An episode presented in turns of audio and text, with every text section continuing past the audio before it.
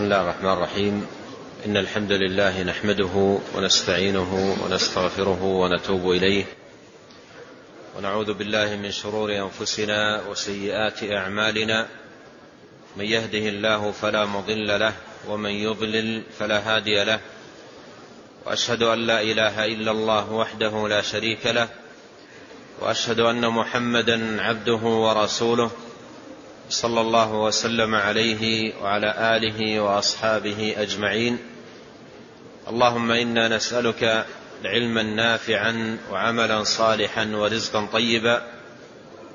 اللهم علمنا ما ينفعنا وانفعنا بما علمتنا وزدنا علما. اللهم واهدنا إليك صراطا مستقيما.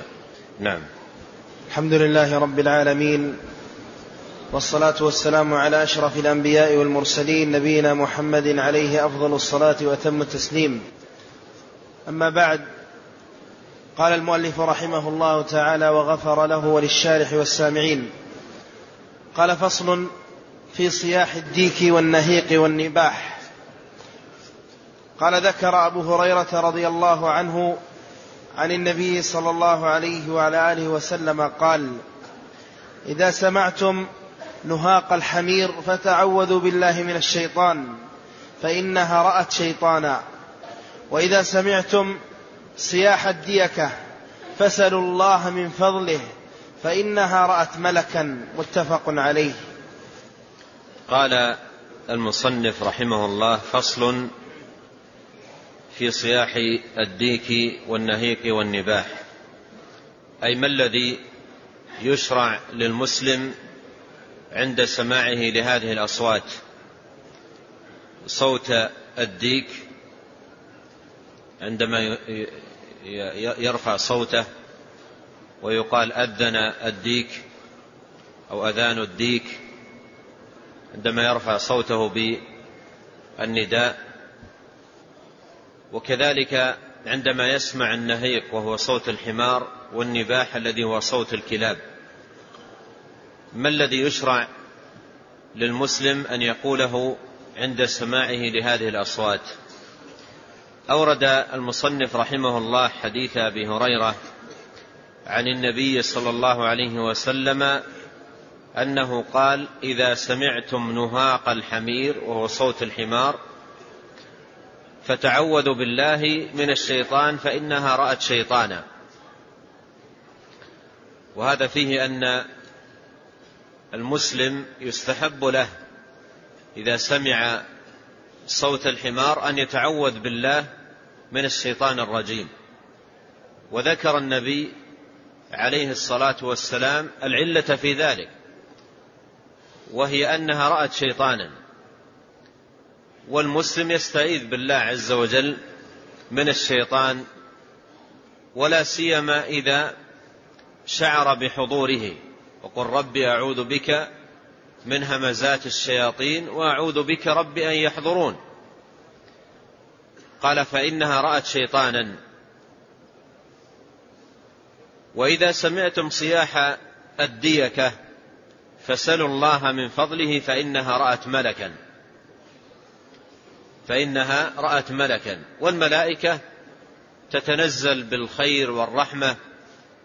فيسأل المسلم فضل فضل الله عز وجل بمناسبة تنزل الملائكة. يقول اللهم إني أسألك من فضلك.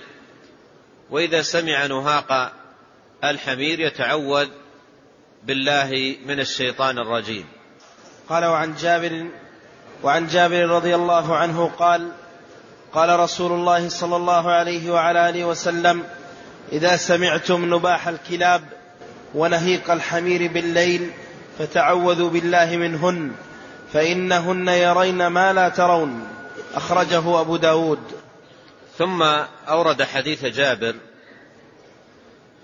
رضي الله عنه أن الرسول صلى الله عليه وسلم قال إذا سمعتم نباح الكلاب ونهيق الحمير بالليل. أضاف هنا نباح الكلاب وقيد ذلك بالليل. قال أهل العلم لأن الشياطين أكثر ما يكون انتشارها بالليل. أكثر ما يكون انتشار الشياطين بالليل. فسماع هذا الصوت من الكلاب وهو النباح وسماع الصوت من الحمير وهو النهاق. هذا في الغالب عندما يكون منها بالليل لانتشار الشياطين ورؤيتها للشياطين. فناسب هذا المقام أن يتعوذ المسلم بالله من الشيطان الرجيم عند سماعه للنهاق أو سماعه للنباح. يقول أعوذ بالله من الشيطان الرجيم. قال عليه الصلاة والسلام فإنهن يرين ما لا ترون. يفسر هذا ما جاء في الرواية التي قبله. قال فإنها رأت شيطانا. والشيطان لا يرى الإنسان والإنسان لا يراه. إنه يراكم هو قبيله من حيث لا ترونهم. ولهذا قال بعض السلف إن عدوا يراك ولا تراه شديد المؤنة. وهذه الدواب ترى الشيطان الكلاب والحمير ترى الشيطان وتنبح. والحمار ينهق إذا رأى الشيطان. ولهذا جاء عن النبي عليه الصلاة والسلام أن المسلم يستحب له ويشرع أن يتعوذ بالله من الشيطان الرجيم عند سماعه لهذين الصوتين. صوت نهيق الحمير ونباح الكلاب. نعم. قال رحمه الله تعالى فصل في الحريق. قال يذكر عن عمرو بن شعيب عن أبيه عن جده رضي الله عنه قال قال رسول الله صلى الله عليه وعلى آله وسلم إذا رأيتم الحريق فكبروا فإن التكبير يطفئه. ثم قال رحمه الله فصل في الحريق. أي إذا شب حريق واشتعلت النار في ملك الإنسان أو في متاعه أو نحو ذلك ما الذي يشرع له أن يقوله عند اشتعالها. عقد, فصل عقد هذا الفصل لبيان ذلك.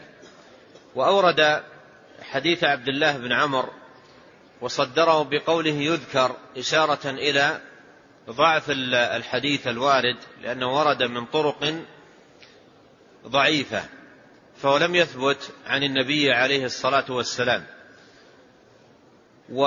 والتكبير الذي ورد في الحديث قال إذا رأيتم الحريق فكبروا فإن التكبير يطفئه.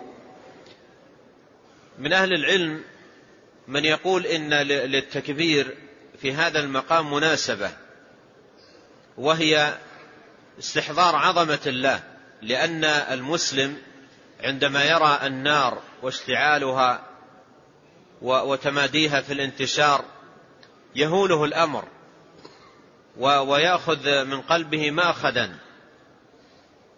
فإذا كبر الله عز وجل وكرر التكبير في هذا المقام الله أكبر الله أكبر يملأ قلبه من التعظيم لله عز وجل والإيمان بقدرته وأنه تبارك وتعالى على كل شيء قدير وأنه سبحانه وتعالى لا يتعاظمه شيء فيشغل قلبه في هذا المقام بتكبير الله عز وجل بدل أن يشتغل قلبه بالنظر إلى كبر النار أو عظم النار أو الخوف من تمادي النار وإنما يكون مشتغلا في هذا المقام بتكبير الله سبحانه وتعالى.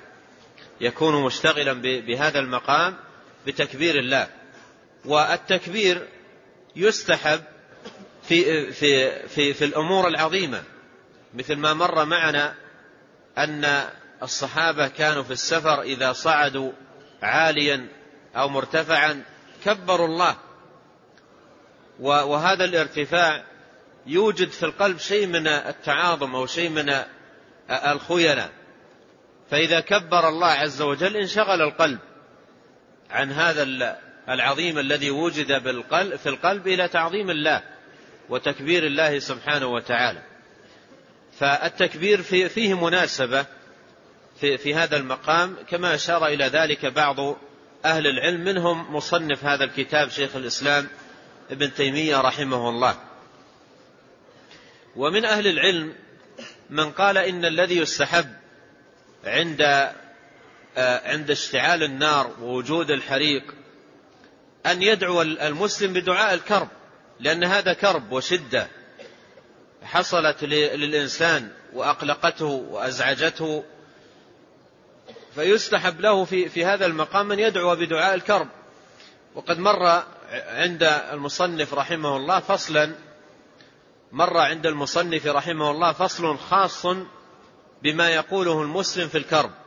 من ذلكم لا إله إلا الله العظيم لا إله إلا الله الحليم لا إله إلا الله رب السماوات ورب الأرض ورب العرش العظيم.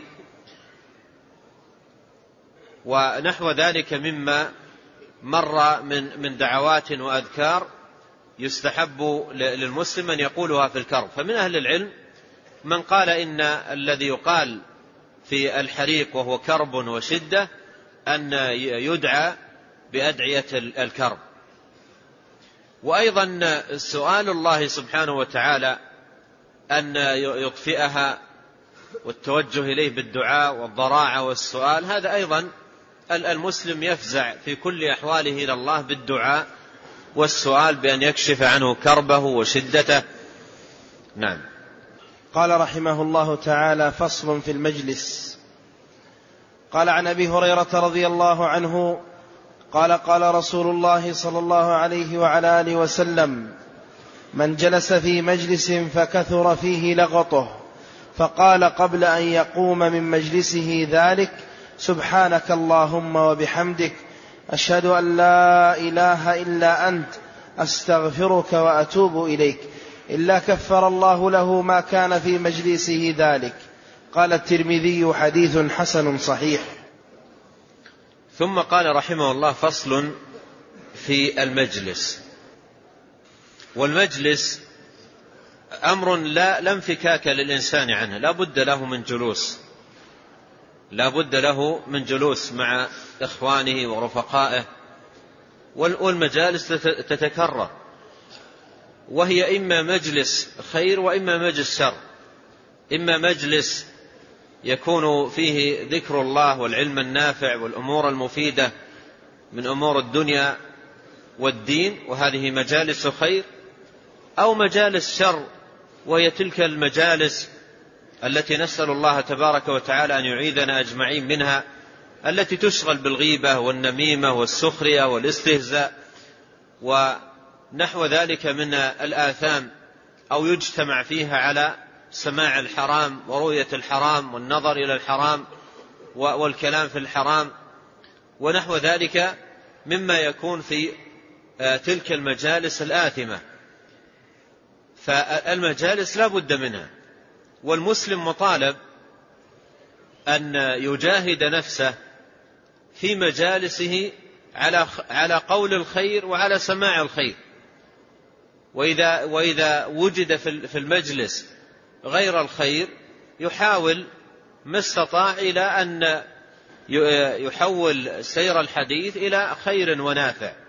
ولا يبقى المجلس يمضي في أمور هي شرور وأقوال تجلب على الجالسين الآثام وسخط الله تبارك وتعالى. فالمجالس لا بد منها وهي تتكرر مع الإنسان في أيامه وهي مكتوبة عليه في أعماله. جلوسه مكتوب عليه وقوله مكتوب عليه وسماعه مكتوب عليه وسيلقى الله تبارك وتعالى بذلك كله. ولهذا يندم الإنسان ندامة شديدة على ما يكون منه من إخلال في مجالسه وتكون عليه مجالسه تلك ترة أي حسرة وندامة يندم عليها ولا يفيد الندم. ولهذا ينبغي على الإنسان أن يعود نفسه على إصلاح مجالسه وتخير المجالس النافعة وأن يكون في المجلس مفتاح خير لا مفتاح شر. أن يكون في المجلس مفتاح خير لا مفتاح شر.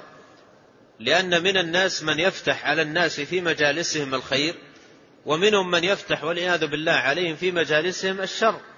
وقد قال عليه الصلاة والسلام إن من الناس ناسا مفاتيح للخير مغاليق للشر وناسا مفاتيح للشر مغاليق للخير. فطوبى لمن جعل الله مفتاح الخير على يديه وويل لمن جعل الله مفتاح الشر على يديه. فالإنسان يجاهد نفسه على أن, أن تكون مجالسه صالحة وطيبة وأن يبتعد عن ما لا طائل وراءه أو ما فيه المضرة عليه وعلى الجالسين. وأن يجتهد على أن يعمر المجلس بذكر الله سبحانه وتعالى فإن ذكر الله تبارك وتعالى خير ما عمرت به المجالس وصرفت فيه الأوقات. ثم إن النبي عليه الصلاة والسلام ندب من جلس مجلسا أن يختمه بقول سبحانك اللهم وبحمدك. أشهد أن لا إله إلا أنت أستغفرك وأتوب إليك. تكون في خاتمة المجلس. يقولها الجالس حين نهوضه أو إرادته أن ينهض من مجلسه. وهذه الكلمات فيها فائدة عظيمة جدا ونفع عظيم لأنها كما أخبر عليه الصلاة والسلام إن كان مجلس خير كانت له كالطابع كالخاتم تحفظ يحفظ له خيره. وإن كان مجلسا فيه إساءة أو نحو ذلك فإنها تكون كفارة. تكون كفارة له. ولهذا تكرر عن النبي عليه الصلاة والسلام الندب والحث على العناية بهذه الكلمات في خاتمة المجلس. قال عن أبي هريرة رضي الله عنه قال قال رسول الله صلى الله عليه وسلم من جلس في مجلس فكثر فيه لغطه. فكثر فيه لغطه. هنا قول فكثر فيه لغطه. أي كثر منه الكلام الذي لا طائل من ورائه. وارتفع صوته في المجلس باللغط والكلام الذي ليس من ورائه فائدة وليس من ورائه ثمرة أو فيه المضرة على الإنسان وعلى الجالسين. وقال فقال وليس هذا آه، يعني أن هذا مختصا بمن كثر لغطه في المجلس. بل هذا يستحب لكل من جلس لكل من جلس مجلسا حتى لو ضمن من نفسه أنه ما بدر منه ولا من الجالسين أي كلمة خاطئة فإن المستحب في حقه أن يقول هذه الكلمة. لأنه سيأتي عندنا في الرواية الثانية أنه إذا كان في مجلس خير كان كالطابع له. إذا كان في مجلس خير كان كالطابع له. إذا هذه الكلمة ليست مختصة بمجلس كثر فيه اللغط بل لو أنه لو, لو كان مجلسا عمر بالخير والعلم والفائدة والنفع فإنه, فإنه يستحب أن, أن يختم بهذه الكلمات لأنها ستكون لذلك المجلس كالطابع كما سيأتي في الحديث القادم. قال فقال قبل أن يقوم من مجلسه وهذا فيه استحباب أن تقال هذه الكلمة قبل أن ينهض. يعني عندما يريد أن يقوم عند إرادة النهوض من المجلس يقولها وهو في مجلسه قبل أن يقوم. ولهذا قال قبل أن يقوم من مجلسه. فهو لا يقولها عندما ينصرف أو عندما يخرج من المجلس أو عندما يقوم. وإنما وهو جالس أراد أن, أن, أن يقوم فيجعل خاتمة الجلوس في مجلسه ذلك هذه الأذكار العظيمة. قال سبحانك اللهم وبحمدك أشهد أن لا إله إلا أنت أستغفرك وأتوب إليك.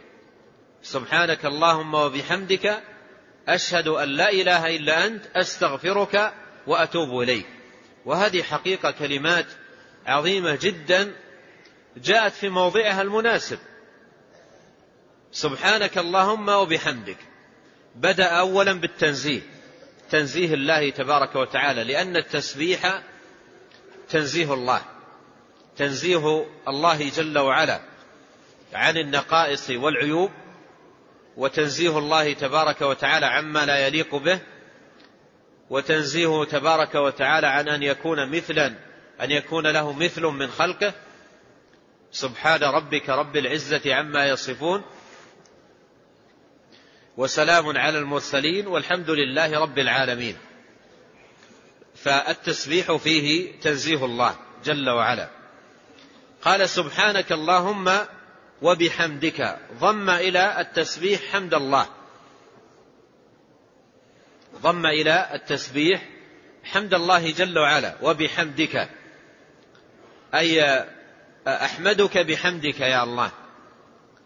فقال سبحانك اللهم وبحمدك. جمع بين التسبيح الذي هو التنزيه والحمد الذي هو الثناء على الله سبحانه وتعالى مع حبه. ولهذا جمعت هاتين الكلمتين. جمعت هاتان الكلمتان التسبيح والتحميد تعظيم الله سبحانه وتعالى. بتنزيهه وإثبات الكمال له لأن التسبيح فيه التنزيه لله عن النقائص وعن العيوب وعما لا يليق بالله والحمد فيه الثناء على الله بإثبات الكمال له. فالرب سبحانه وتعالى يحمد على أسمائه الحسنى وصفاته العلى ويحمد على مننه وعطاياه ونعمه التي لا تعد ولا تحصى. فإذا في قولنا سبحانك اللهم وبحمدك في هاتين الكلمتين التنزيه وإثبات الكمال لله جل وعلا. وكم هو جميل بالمسلم أن يختم مجلسه بتنزيهه لله وحمده له تبارك وتعالى قائلا كما أمر النبي عليه الصلاة والسلام سبحانك اللهم وبحمدك. أشهد أن لا إله إلا أنت. وهذا فيه الإعلان بالشهادة بوحدانية الله والتوحيد له جل وعلا. أشهد أن لا إله إلا أنت. أي أشهد أقر وأعلن وأعترف أنه لا معبود بحق سواك. لأن لا إله إلا الله هذه الكلمة كلمة التوحيد. هذه كلمة التوحيد. والتوحيد هو مدلولها. ولا إله إلا الله هي دليله. والدال عليه بما اشتملت عليه من النفي والإثبات. لا إله إلا الله. أشهد أن لا إله إلا الله. فلا إله إلا الله هي كلمة التوحيد. فيها نفي وإثبات. نفي للعبودية عن كل من سوى الله وإثبات للعبودية بكل معانيها لله وحده. ولا توحيد إلا بذلك. لا يكون المرء موحدا إلا بتحقيق النفي والإثبات الذي هو مدلول لا إله إلا الله. لا يكون المرء موحدا إلا بتحقيق النفي والإثبات الذي هو مدلول لا إله إلا الله.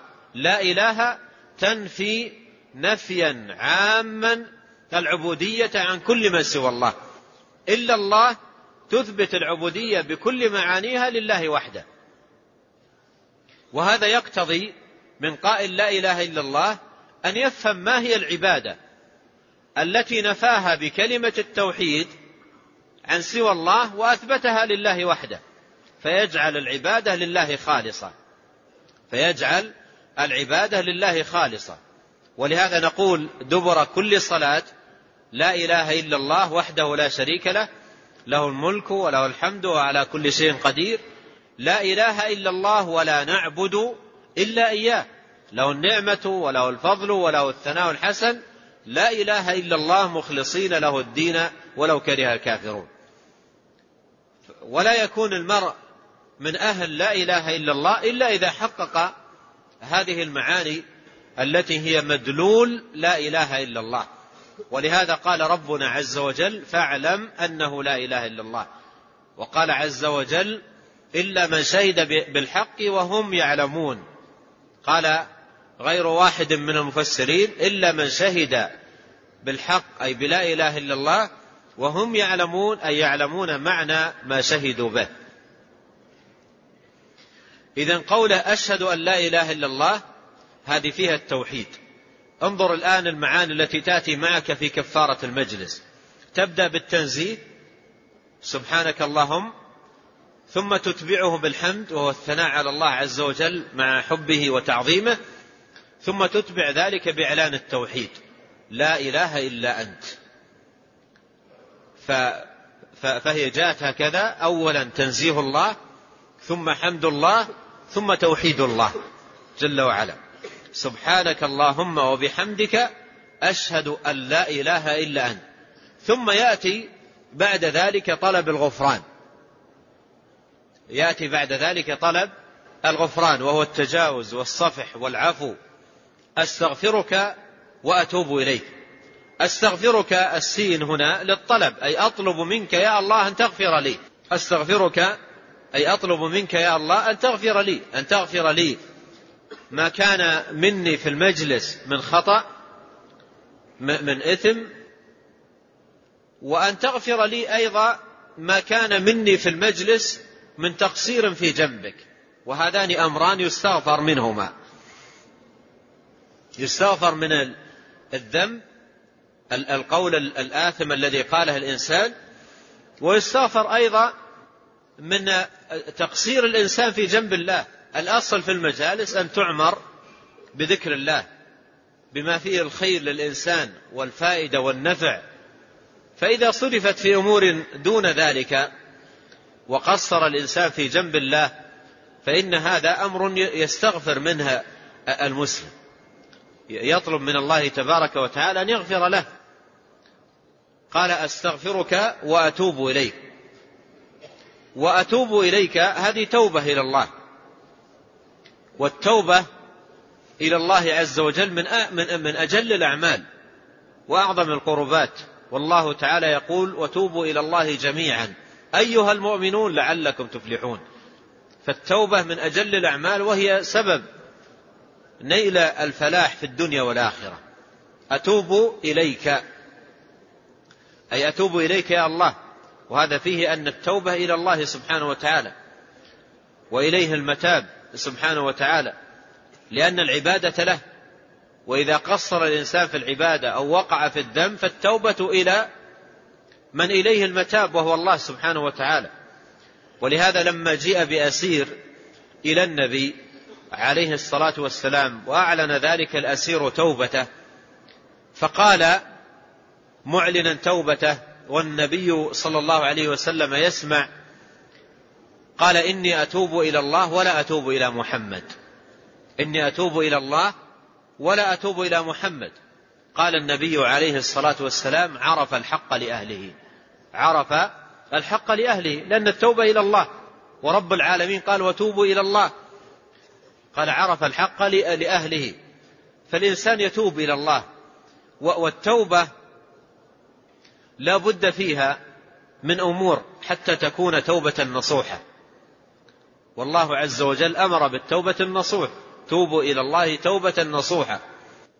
ولا تكون التوبة نصوحا إلا إذا ندم التائب آه، آه، ندم على الذنب الذي فعله أو ندم من فعله للذنب.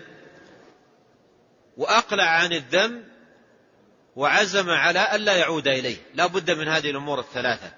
أن يندم وأن يقلع وأن يعزم ألا يعود للذنب. فإذا كانت التوبة مستجمعة لهذه الشروط الثلاثة كانت توبة نصوحة. وإذا كان الذنب الذي يتوب منه يتعلق بحقوق الآدميين يتعلق بحقوق الآدميين فلا بد أن يتحللهم وأن يطلب منهم العفو أو يعيد الحق لأهله لأن المظالم التي يتاب منها على على ثلاثة أنواع. الظلم الذي هو الشرك ولا يتاب منه إلا بالتوحيد. لا يتاب منه إلا بالتوحيد. وإخلاص الدين لله تبارك وتعالى والبراءة من الشرك. ومن لم يتب إلى الله سبحانه وتعالى من الشرك ولقي الله مشركا فلا مطمع له يوم القيامة في مغفرة الله. كما قال عز وجل إن الله لا يغفر أن يشرك به ويغفر ما دون ذلك لمن يشاء. والنوع الثاني من المظالم ظلم العباد بعضهم لبعض. وهذا لا يتركه الله يوم القيامة حتى يقتص للمظلوم من ظالمه. حتى يقتص للمظلوم من ظالمه. وقد جاء في الحديث الصحيح أن النبي عليه الصلاة والسلام قال يحشر الله عز وجل الناس يوم القيامة عراة حفاة بهما قال الصحابة وما بهما يا رسول الله؟ قال أي ليس, ليس معهم من الدنيا شيء ثم قال عليه الصلاة والسلام ثم يناديهم أي الله سبحانه وتعالى بصوت يسمعه من بعد كما يسمعه من قرب. فيقول أنا الملك أنا الديان. ثم يقول سبحانه وتعالى لا ينبغي لأحد من أهل الجنة أن يدخل الجنة ولأحد من أهل النار عليه مظلمة حتى أقتصها منه. ولا ينبغي لأحد من أهل النار أن يدخل النار ولأحد من أهل الجنة عليه مظلمة حتى أقتصها منه. فقال الصحابة رضي الله عنهم وكيف ذلك يا رسول الله؟ وهم إنما جاءوا بهما. يعني ليس معهم شيء من الدنيا. لا أموال ولا تجارات ولا أراضي ولا غير ذلك. كيف ذلك؟ كيف يكون القصاص؟ فقال عليه الصلاة والسلام بالحسنات والسيئات. بالحسنات والسيئات. ويبين قوله بالحسنات والسيئات الحديث الآخر. الذي قال فيه عليه الصلاة والسلام للصحابة أتدرون من المفلس؟ قالوا المفلس من لا درهم له ولا دينار. فقال عليه الصلاة والسلام بل المفلس من يأتي يوم القيامة وقد شتم هذا وضرب هذا وسفك دم هذا وأخذ مال هذا. فيؤخذ من حسناته فيعطون. فإذا فنيت حسناته أخذ من سيئاتهم فطرحت عليه فطرح في النار. هذا هو المفلس. المفلس حقيقة من يأتي بهذه الصفة يوم القيامة. يحمل مظالم وتعديات وتجاوزات فيقتص يوم القيامة للمظلوم من ظالمه. والنوع الثالث من المظالم ظلم العبد لنفسه فيما دون ذلك. وقد جمع عليه الصلاة والسلام ذكر هذه المظالم الثلاثة في حديث واحد. قال دواوين الظلم يوم القيامة ثلاثة. ديوان لا يتركه الله وديوان ديوان لا يغفره الله وديوان لا يتركه الله وديوان لا يعبأ الله به.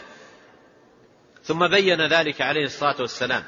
قال الديوان الذي لا يغفره الله الشرك والديوان الذي لا يتركه الله ظلم العباد بعضهم لبعض أي حتى يقتص للمظلوم من ظالمه وديوان لا يعبأ الله به أي وديوان لا يعبأ الله به وهو ما دون ذلك من الذنوب. قال بعد أن ذكر عليه الصلاة والسلام هذه هذا الذكر المبارك والدعاء العظيم سبحانك اللهم وبحمدك أشهد أن لا إله إلا أنت أستغفرك وأتوب إليك. قال إلا كفر الله له ما كان في مجلسه ذلك. إلا كفر الله له ما كان في مجلسه ذلك. أي إلا كفر الله له ذنبه وخطأه وتقصيره الذي كان منه في ذلك المجلس. ولهذا يسمي جمع من أهل العلم هذا الدعاء كفارة المجلس.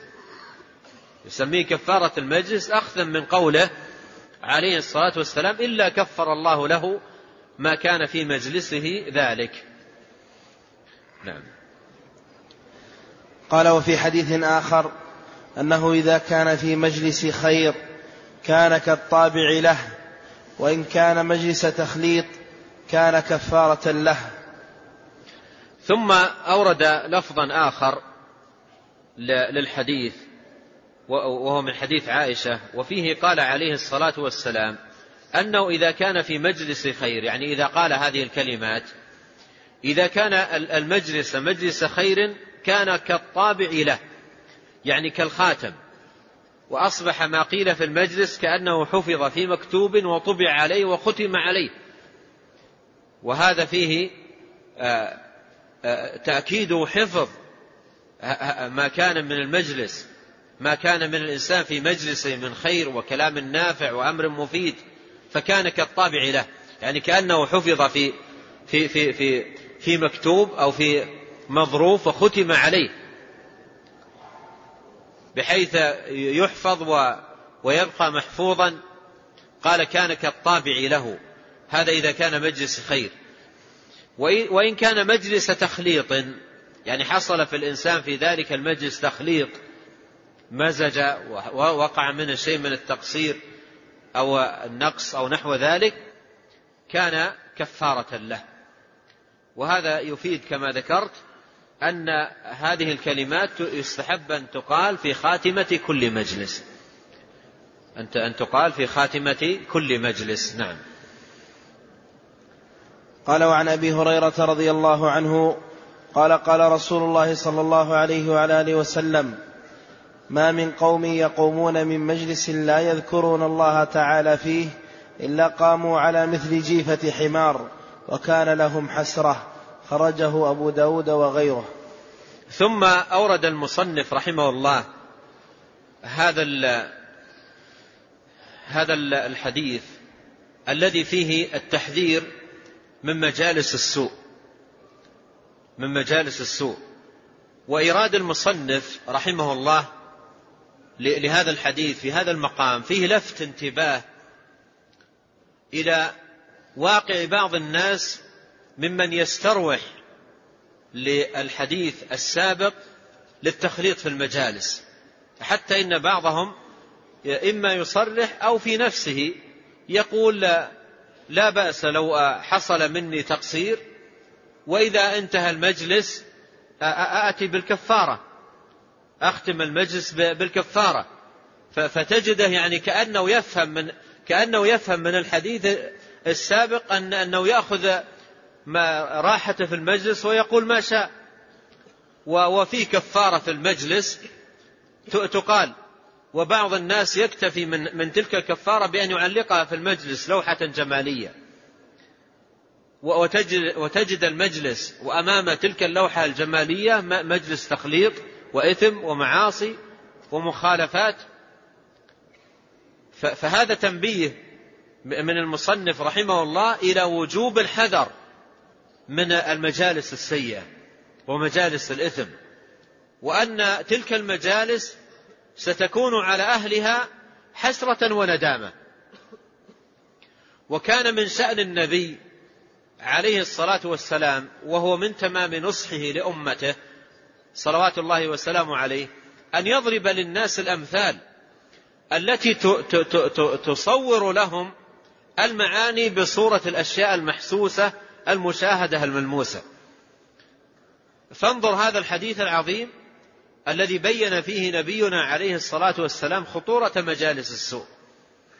يقول صلى الله عليه وسلم ما من قوم ما من قوم يقومون من مجلس لا يذكرون الله تعالى فيه إلا قاموا مثل جيفة حمار. إلا قاموا من مثل جيفة حمار. حتى أيضا تتضح لك الصورة أكثر. تصور في ذهنك أناس جلسوا في مجلس وبينهم وفي وسطهم حمار ميت منتن. بينهم وفي وسطهم حمار ميت ومنتن. رائحته تفوح. تعج رائحته. تصرع من حوله. وجلسوا في المجلس. وعندهم هذا هذا الحمار المتعفن المنتن الرائحة. ماذا سيقومون من ذلك المجلس؟ سيقومون بشيئين. منظر كريه ورائحة نتنة سيقومون من منظر كريه ورائحة نتنة فهم في مجلسهم لم يروا إلا هذا المنظر الكريه ولم يقوموا منه إلا بتلك الرائحة النتنة. وهذه حقيقة من يجلس مجالس اللغو والباطل. فاللغو هو بمثابة المنظر الكريه الذي يكون معهم في المجلس. والإثم الذي يتبع ذلك هم مثابة الرائحة الكريهة التي تعلق بهؤلاء بعد قيام المجلس. فثمة أمران. أمر في المجلس نفسه وأمر يعقبه. في المجلس آه، رؤية الأمر المنظر الكريم وبعد المجلس العواقب والتوابع من الآثام والأوزار التي يحملها الإنسان وتكون مكتوبة عليه في سيئاته. ولهذا ضرب النبي عليه الصلاة والسلام هذا المثل محذرا الأمة من من المجالس التي هي مجالس اللغو والتي لا يذكر فيها الله جل وعلا. ما من قوم يقومون من مجلس لا يذكرون الله تعالى فيه إلا قاموا عن مثل جيفة حمار وكان لهم إضافة إلى ذلك وكان لهم حسرة. ومعنى حسرة أي ندامة يندم حين لا ينفع الندم يندم على مجالسه تلك التي جلسها وكانت بهذه الصفة ولا ينفع الندم. وكان وكان لهم أي مجلسهم ذلك حسرة أي ندامة. عندما يلقون الله سبحانه وتعالى ويحاسبون على ما كان منهم في تلك المجالس. هذا الحديث فيه الندب لشغل المجالس بذكر الله جل وعلا. والاكثار من ذكره. ومن ذكره سبحانه وتعالى هذا الذكر المبارك العظيم الذي هو خاتمة المجالس وكفارة المجالس وخير ما تختم به المجالس. سبحانك اللهم وبحمدك أشهد أن لا إله إلا أنت أستغفرك وأتوب إليك. نعم. قال وعن ابن عمر رضي الله عنهما قال قلما كان رسول الله صلى الله عليه وسلم يقوم من مجلس حتى يدعو بهؤلاء الدعوات لأصحابه. اللهم اقسم لنا من خشيتك ما تحول به بيننا وبين معاصيك ومن طاعتك ما تبلغنا به جنتك ومن اليقين ما تهون به علينا مصائب الدنيا. اللهم متعنا بأسماعنا وأبصارنا وقوتنا ما أحييتنا واجعله الوارث منا واجعل ثأرنا على من ظلمنا وانصرنا على من عادانا. ولا تجعل مصيبتنا في ديننا ولا تجعل الدنيا أكبر همنا ولا مبلغ علمنا ولا تسلط علينا من لا يرحمنا. قال الترمذي حديث حسن. ثم ختم المصنف رحمه الله هذا الفصل بهذه الدعوة أو الدعوات العظيمة التي كان يدعو بها النبي صلى الله عليه وسلم لأصحابه. وقول ابن عمر رضي الله عنهما راوي الحديث قلما كان رسول الله صلى الله عليه وسلم يقوم من مجلس حتى يدعو بهؤلاء الدعوات لأصحابه. يفيد أن النبي صلى الله عليه وسلم كان يكثر من هذا الدعاء لأصحابه. قلما كان يقوم من مجلس حتى يدعو بهؤلاء الدعوات. أي أنه كثيرا ما كان يدعو بهذه الدعوات. يكثر من الدعاء لأصحابه بهذه الدعوات في جلوسه معهم صلوات الله وسلامه عليه. ومن يتأمل هذه الدعوات التي كان يدعو بها عليه الصلاة والسلام في مجالسه أو في كثير من مجالسه لأصحابه يجد أنها دعوات عظيمة جامعة لخيري الدنيا والآخرة وهي من جوامع الدعاء وكوامله. يبدأ هذا الدعاء بقوله اللهم اقسم لنا من خشيتك ما تحول به بيننا وبين معاصيك. اقسم لنا أي اجعل لنا حظا ونصيبا وقسما من خشيتك. والخشية هي خوف الله تبارك وتعالى مع إجلاله وتعظيمه سبحانه. وهي سبب كل خير. عندما يوجد في قلب الإنسان خشية الله عز وجل تجلب له كل خير. إنما يخشى الله من عباده العلماء. وكلما كان العبد من الله أخوف كان إليه أقرب. كلما ازداد فيه الخوف من الله والخشية منه تبارك وتعالى عظم إقباله على الله سبحانه وتعالى. ولهذا قال بعض العلماء كل إن كل شيء تخافه تفر منه. إلا الله. إذا خفته فررت إليه. إلا الله إذا خفته فررت إليه ففروا إلى الله. لا ملجأ ولا منجا من منه إلا إليه. فمن يخاف الله ويمتلئ قلبه خوفا من الله يزداد القلب إقبالا على الله تبارك وتعالى. بخلاف كل الأشياء الأخرى التي تخاف يفر منها. أما رب العالمين كلما ازددت خوفا منه ازددت إقبالا عليه سبحانه وتعالى. ولهذا هذا المعنى موجود هنا. قال اللهم اقسم لنا من خشيتك ما تحول به بيننا وبين معاصيك. وهذا فيه فيه فائدة أن وجود الخشية خشية الله في القلب تحجز الإنسان عن عن المعاصي. وأن هذه الخشية كلما وجدت في القلب ابتعد الإنسان عن المعاصي بحسبها.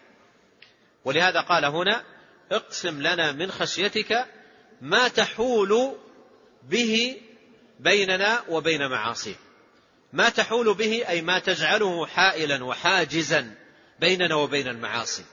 وهذا كما ذكرت فيه فائدة عظيمة وهي أن خشية الله عز وجل هي خير حاجز للإنسان عن المعاصي. وأعظم رادع للإنسان عن, عن, عن فعل المعاصي أن يستجلب لقلبه خشية الله. وأن يستحضر رؤية الله له واطلاع عليه فإذا وجدت الخشية وجد ماذا؟ الامتناع عن عن معصية الله. قال اقسم لنا من خشيتك ما تحول به بيننا وبين معاصيك أي ما تجعله حائلا وحاجزا لنا آه، يحولنا ويحجزنا عن فعل عن فعل المعاصي. ومن طاعتك أي واقسم لنا من طاعتك ما تبلغنا به جنتك. ما تبلغ ما تبلغنا به جنتك. أي اجعل لنا قسما وحظا ونصيبا من الطاعات ما نبلغ به ونصل به إلى الجنة. والجنة سلعة غالية لا تنال إلا بالطاعة. ولهذا قال عليه الصلاة والسلام في الحديث الصحيح كل أمتي يدخلون الجنة إلا من أبى. كل أمتي يدخلون الجنة إلا من أبى. قالوا ومن يأبى يا رسول الله؟ من الذي تعرض عليه الجنة ويقول أنا لا أريد أن أدخل؟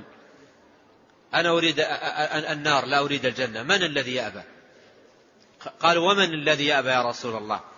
قال من أطاعني دخل الجنة ومن عصاني فقد أبى.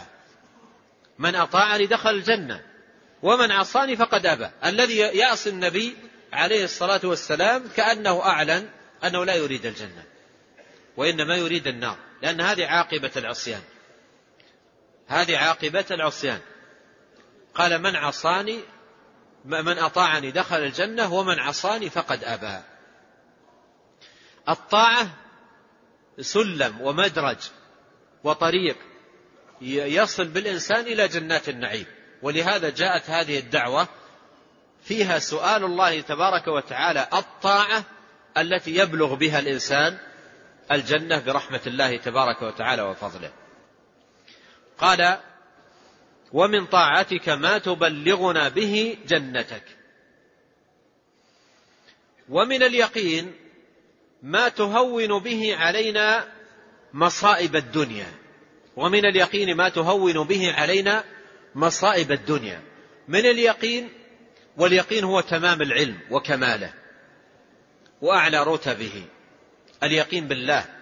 وأن الأمور بتدبيره وتصريفه. وأنه ما شاء الله كان وما لم يشأ لم يكن. وأن ما أصاب العبد لم يكن ليخطئه.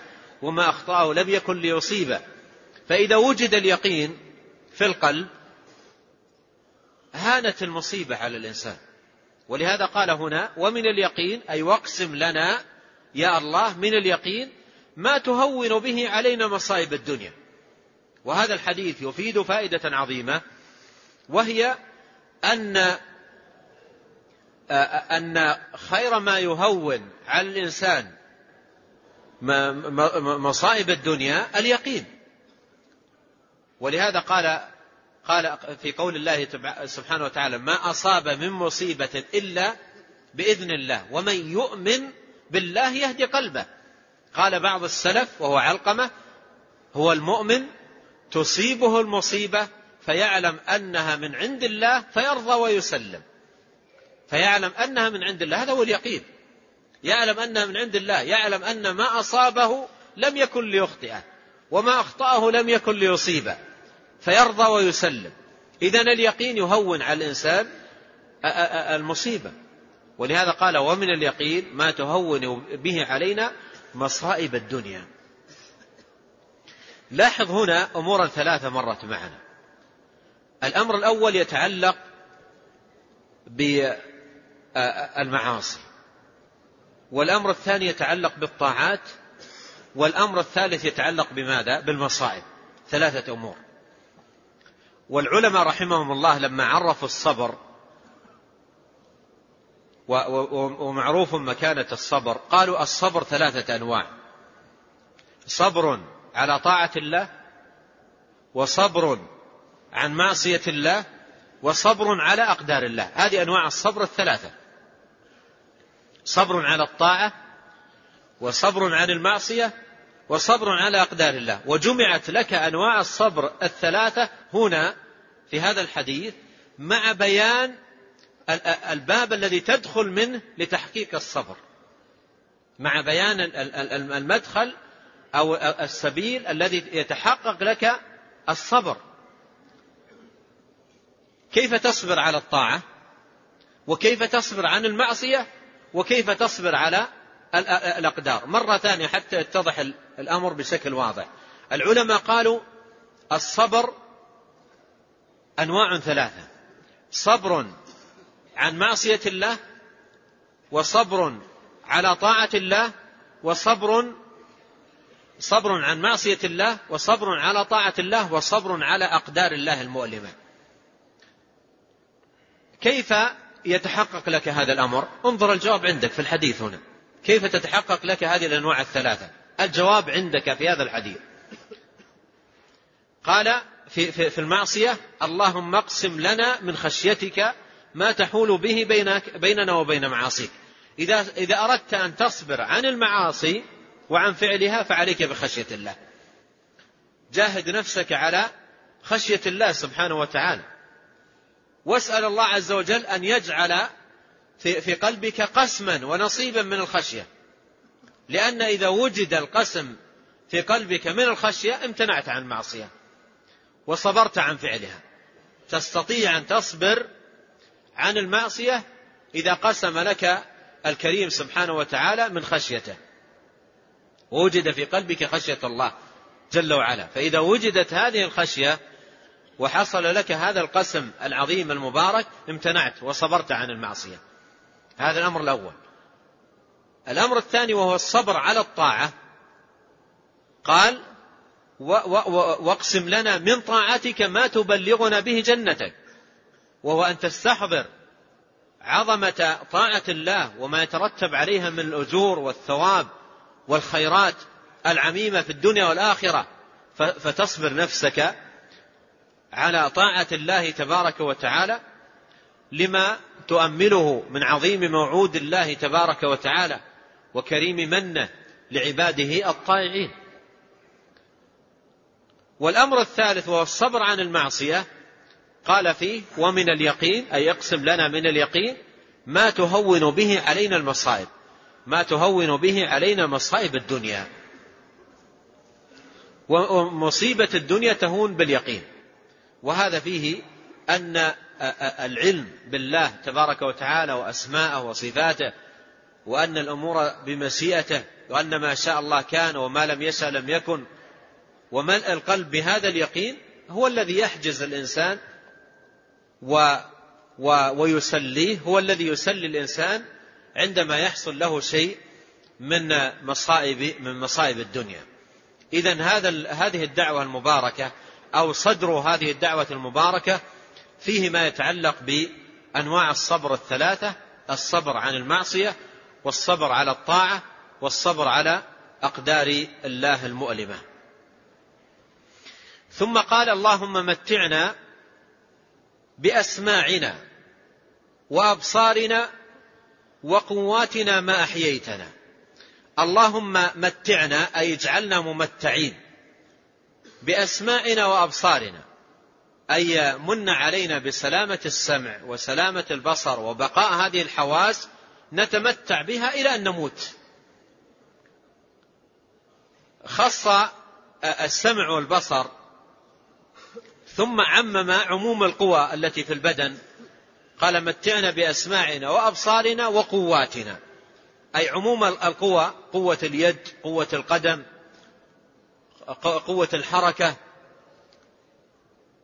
كل هذه الأشياء يسأل الله عز وجل أن تبقى معه إلى إلى أن يموت أن يبقى ممتعا بها. متعنا بأسماعنا وأبصارنا وقواتنا ما أحييتنا. ودعاء الله عز وجل ببقاء هذه الحواس ممتعا بها العبد إلى أن يموت يتضمن دعاءه وسؤاله أسباب بقائها وهو ما يشير إليه الحديث. في, في قوله عليه الصلاة والسلام احفظ الله يحفظك.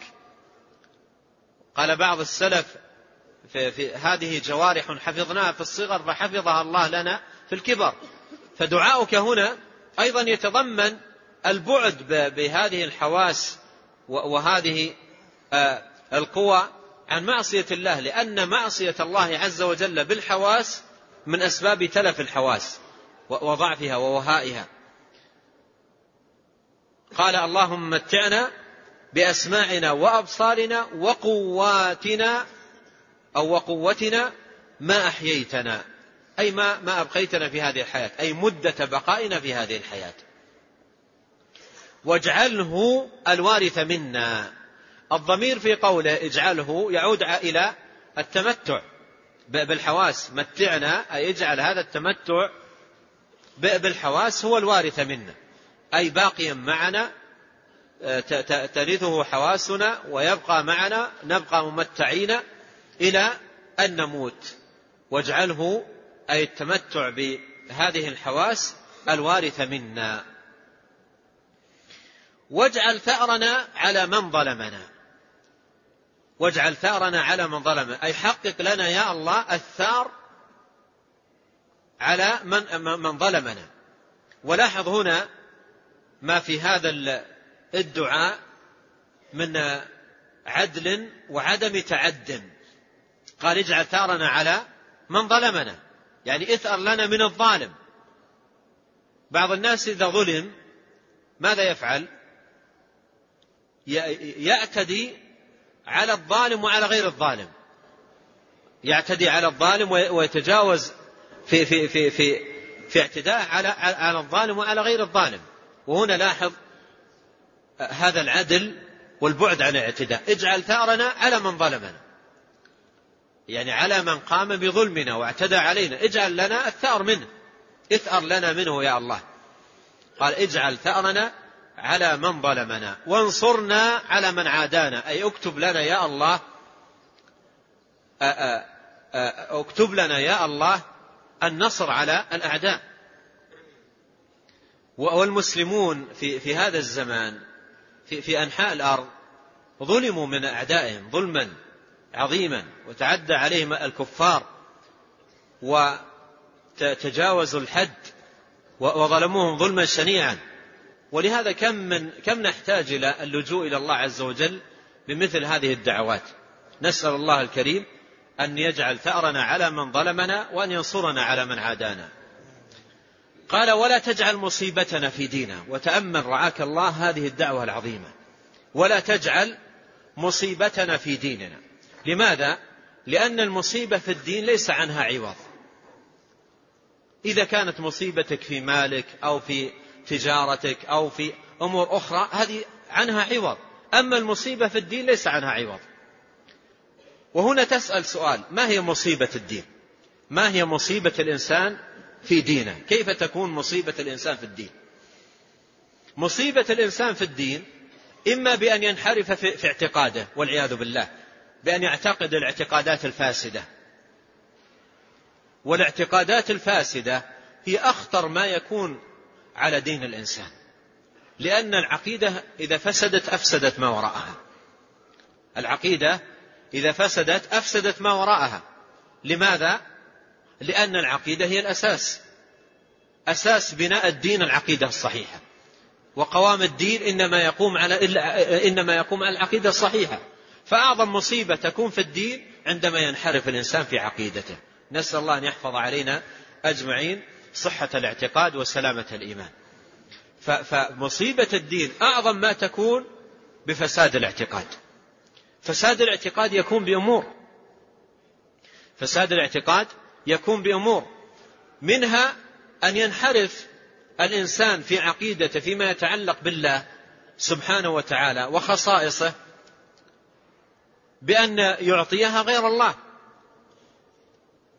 يعطيها وهذا انحراف بالغ. أن يعطي شيئا من خصائص الله لغير الله. أو أيضا أن ينفي عن الله تبارك وتعالى كماله. وما يليق به سبحانه وتعالى من الأسماء والصفات مما أخبر عن نفسه به وأخبر عنه رسوله عليه الصلاة والسلام. هذا كله من الانحراف في العقيدة. أيضا من الانحراف في باب التوحيد وهو مصيبة في الدين. أن يجعل الإنسان حظا من العبادة لغير الله مثل أن يدعو غير الله أو يستغيث بغير الله أو يطلب المدد من غير الله أو يذبح لغير الله أو يصرف شيء من العبادة لغير هذا مصيبة في دينه عظيمة. بل إن, بل إن دينه فسد وتلف بهذه العقائد وهذه الأعمال. أيضا تكون المصيبة في الدين بالبدع والعياذ بالله. عندما يغشى الإنسان البدع ويفعلها أو يروج لها هذه مصيبة عظيمة في الدين. والنبي عليه الصلاة والسلام قال من عمل عملا ليس عليه أمرنا فهو رد. يا إخوان الآن لو أن شخصا قام بعبادة الله الليل والنهار يتعب وينصب ويقوم بأعمال كثيرة تجهده وتتعبه ويتقرب بها إلى الله. أليست مصيبة عظيمة عندما يفاجأ بأن أعماله تلك كلها ردت عليه؟ مصيبة ولا لا؟ يقول عليه الصلاة والسلام من عمل عملا ليس عليه أمرنا فهو رد مردود على صاحبه غير مقبول منه. هذه مصيبة. يعمل وينصب ويتعب ويجد ويجتهد ويواصل الليل بالنهار ثم كل ذلك يرد عليه. هذه مصيبة. والسبب هو نفسه لأنه عمل بغير المشروع. والنبي عليه الصلاة والسلام حذر من ذلك قال من عمل عملا ليس عليه أمرنا فهو رد. ولهذا مصيبة الإنسان في دينه أعظم المصائب. وأيضا تكون مصيبة الإنسان في دينه بفعل المعاصي والذنوب والذنوب منها كبائر وصغائر. فهذه أمور ثلاثة وقوع الإنسان فيها يعتبر مصيبة عظيمة في دينه. ابن القيم رحمة الله عليه يسميها في كتابه الفوائد العوائق. يسميها العوائق.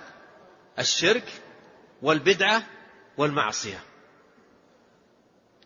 الشرك والبدعة والمعصية. قال أما الشرك فيزول بتجريد التوحيد لله وإخلاص العبادة له. وأما البدعة فتزول بتجريد المتابعة للرسول عليه الصلاة والسلام والاقتداء به ولزوم سنته. وأما المعصية فتزول بالبعد عن المعاصي والتوبة منها إذا وقع العبد في شيء منها. والعبد أمام الفتن التي تصد الناس الآن عن دين الله وهي كثيرة عليه أن يلح على الله كثيرا بالسؤال ألا يجعل مصيبة في دينه. يسأل الله كثيرا. اللهم لا تجعل مصيبتي في ديني. هذه يا أخوان دعوة عظيمة خاصة في زماننا الآن. الأمور التي تصرف الناس عن دينهم لا حد لها. القنوات والمجلات والإنترنت وجهات كثيرة جدا حرب على الدين.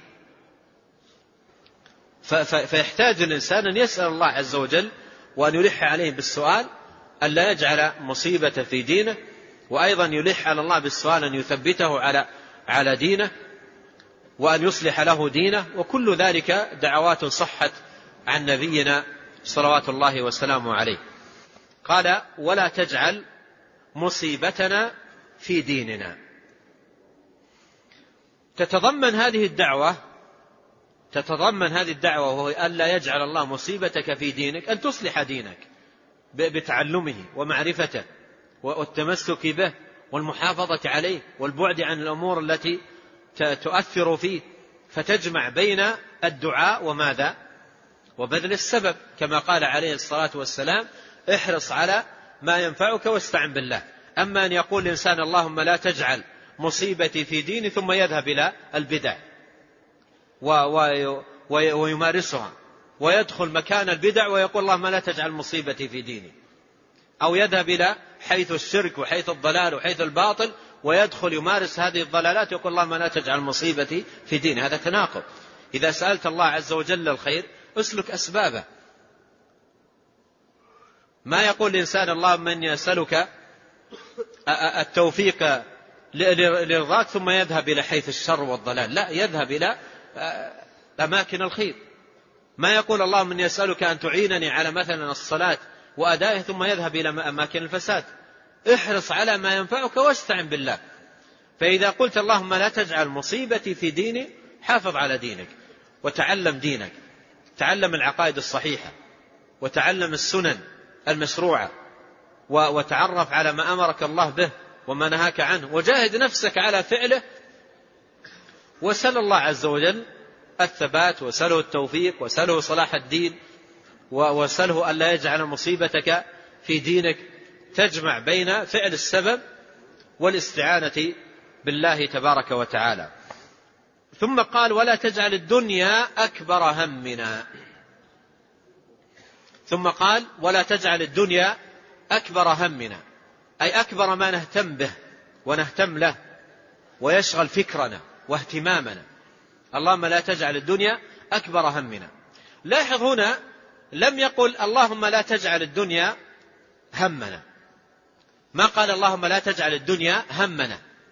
وإنما قال اللهم لا تجعل الدنيا أكبر همنا. يقول العلماء هذا يفيد أنه يجوز للإنسان أن يهتم لأمر الدنيا. أن يهتم لأمر دنياه ومعاشه ومصالحه لا شيء في ذلك. لكن متى تكون المصيبة؟ عندما يكون اهتمامه بدنياه طاغيا على إيش؟ على اهتمامه بدينه. ويكون اهتمامه بدنياه أكبر من اهتمامه بدينه. فهذه هذه المصيبة. ولهذا جاءت هذه الدعوة. قال اللهم لا تجعل الدنيا أكبر همنا. فإذا كان أكبر همك و و و وتهتم بدينك وتهتم بدنياك لا شيء عليك. بل بل مطلوب منك أن تهتم بدنياك ومصالحك وأولادك ومعاشك. مطلوب منك ذلك. لكن المصيبة تكون بماذا؟ عندما يطغى الاهتمام بأمر الدنيا على أمر الدين. حتى أيضا الحب. يجوز للإنسان أن يحب تجارته يحب بيته يحب عشيرته لكن المصيبة عندما تكون هذه الأشياء أحب إليه. قال تعالى قل إن كان آباؤكم وأبناؤكم وإخوانكم وأزواجكم وعشيرتكم وأموال اقترفتموها وتجارة تخشون كسادها ومساكن ترضونها أحب إليكم من الله ورسوله وجهاد في سبيله. يسمي العلماء هذه الأمور المحاب الثمانية التي جبل الإنسان على حبها. ولا شيء في حب الإنسان لها. لكن المصيبة عندما يطغى حب هذه الأشياء على حب الله ورسوله وحب الدين. ولهذا جاءت هذه الدعوة هنا بقوله اللهم لا تجعل الدنيا أكبر همنا. لك أن تهتم بدنياك لكن لا تجعل اهتمامك بدنياك أكبر من اهتمامك بدينك. ولهذا جاء في حديث في صحيح مسلم في دعوة كان يدعو بها عليه الصلاة والسلام كان يقول اللهم أصلح لي ديني الذي هو عصمة أمري وأصلح لي دنياي التي فيها معاشي وأصلح لي آخرتي التي فيها معادي واجعل الحياة زيادة لي في كل خير والموت راحة لي من كل شر. بدأ أولا بماذا؟ لأنه سأل الله إصلاح أمور ثلاثة الدين والدنيا والآخرة. بدأ بماذا؟ بالدين. قال أصلح لي ديني. وهذا أخذ منه أهل العلم فائدة أن الدين هو أولى وأهم ما يعتنى بإصلاحه. ويقدم إصلاح الدين على إصلاح الدنيا. تجد بعض الناس يعتني بأمور الدنيا عناية تامة ويسأل عنها سؤالا تاما وأمر الدين لا يهتم به. يعني أضرب لكم مثالا شخص يريد أن يشتري سيارة ما يشتريها مباشرة. لا يشتريها مباشرة. تجد يذهب يسأل هذا فلان إيش رأيك؟ هذه أحسن ولا كذا؟ ويستشير ويذهب إلى بعض أهل الخبرة حتى يطمئن ثم لكن إذا أراد أن يقوم بطاعات وعبادات مثل الحج بعض الناس يأتي ويدخل الحج ولا يسأل عن, عن, عن أعمال الحج لو كان يريد سيارة يسأل ويبحث وإيش رأيك في كذا وهل كذا أفضل وإلا لا ويأتي ويدخل الحج ويلبس الإحرام في الميقات ويمشي ما يدري ماذا سيصنع ولهذا تجد بعض الناس بعد ما ينتهي الحج يقول تركت كذا لم أفعل كذا وينك قبل الحج؟ فإصلاح الدين ينبغي أن يكون مقدما على إصلاح الدنيا. وتعرف نفسك في هذا الباب باهتمامك بدينك وسؤالك عنه وتعرفك على أحكام الشرع وعنايتك بتطبيقها والمحافظة عليها. قال ولا, ولا تجعل الدنيا أكبر همنا ولا مبلغ علمنا. سبحان الله. لاحظ هنا أيضا مبلغ العلم. من الناس من مبلغ علمه الدنيا فقط. أما الآخرة لا يعرف عنها شيء. ولا يبحث عنها ولا يهتم بها. ولا يدري ما هي. ولا يهتم لها. قال الله عز وجل عن الكفار يعلمون ظاهرا من الحياة الدنيا وهم عن الآخرة هم غافلون. الكافر وكذلك من وجد فيه من خصال الكفر يغفل عن الآخرة ويكون كل اهتمامه بأمر الدنيا مبلغ علمه الدنيا مبلغ علمه الدنيا. وهذه مصيبة على الإنسان. وهذا هذه الدعوة فيها تنبيه للإنسان على الاعتدال في هذا الباب.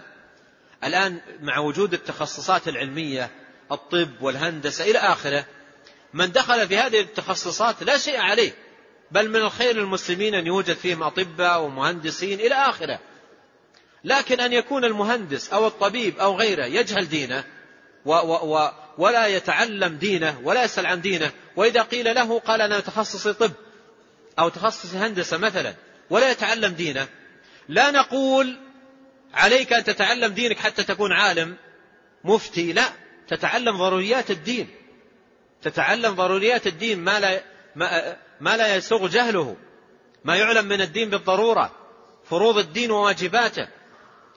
هذه لا يمنع منها أي تخصص. لا بد أن يعتني بها كل مسلم يتعلم ضروريات الدين. فإذا كان الإنسان ينشغل بتخصصات معينة ثم يعرض عن الدين مصيبة.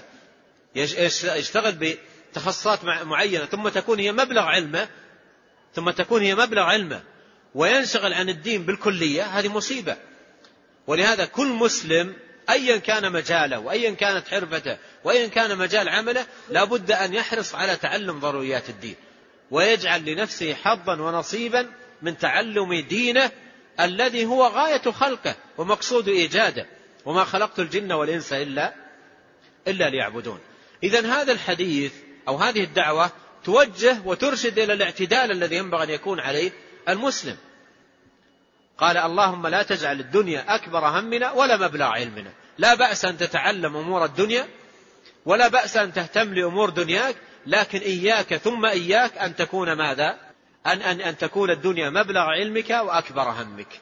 هنا مكمن الخطورة وموضع البلاء. قال ولا تسلط علينا من لا يرحمنا. ولا تسلط علينا من لا يرحمنا. أي لا تسلط علينا من من من, من الأعداء. من يبغي علينا ويظلمنا ولا ولا يرحمنا ولا يتقينا فيك.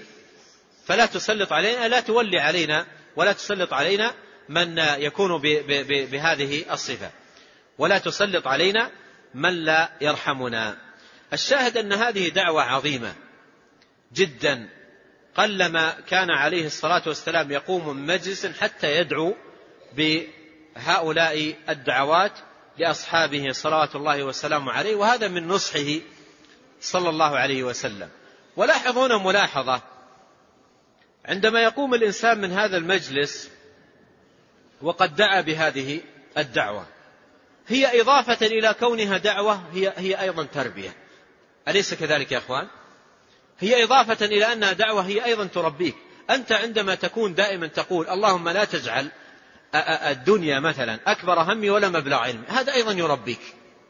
لأنك إذا وجدت نفسك أخطأت هذا الطريق ستعاتب نفسك وتقول أنا الذي أقول في دعائي اللهم لا تجعل الدنيا أكبر همي ولا مبلغ علمي فما بالي الآن أفعل كذا. فهي دعوة وتربية الإنسان وتهذيب له. تهذيب له في في في في ترك المعاصي، تهذيب له في المواظبة على الطاعات، تهذيب له في الصبر على على على المصائب، تهذيب له أيضا في في وسائل حفظ السمع والبصر والقوة إلى أن يموت، تهذيب له أيضا في في في الثأر من الظالمين ومن من اعتدى عليه، تهذيب له في أمر الدنيا وألا تطغى دنياه على دينه، وأنه لا بأس أن يهتم بأمور دنياه. لكن لا, لا يطغى هذا الاهتمام. لا بأس أن يتعلم أمور الدنيا لكن لا يطغى ذلك على أمر الدين. فهذه دعوات عظيمة تهذب الإنسان وتربيه على الفضائل الكاملة والأخلاق العالية والآداب الرفيعة وحسن الإقبال على الله تبارك وتعالى. وليكن خاتمة مجلسنا ذلك. سبحانك اللهم وبحمدك أشهد أن لا إله إلا أنت أستغفرك وأتوب إليك. اللهم اقسم لنا من خشيتك ما تحول به بيننا وبين معاصيك ومن طاعتك ما تبلغنا به جنتك ومن اليقين ما تهون به علينا مصائب الدنيا. اللهم متعنا بأسماعنا وأبصارنا وقواتنا ما أحييتنا واجعله الوارث منا. واجعل ثأرنا على من ظلمنا وانصرنا على من عادانا. ولا تجعل مصيبتنا في ديننا ولا تجعل الدنيا أكبر همنا ولا مبلغ علمنا. ولا تسلط علينا من لا يرحمنا وصلى الله وسلم على نبينا محمد.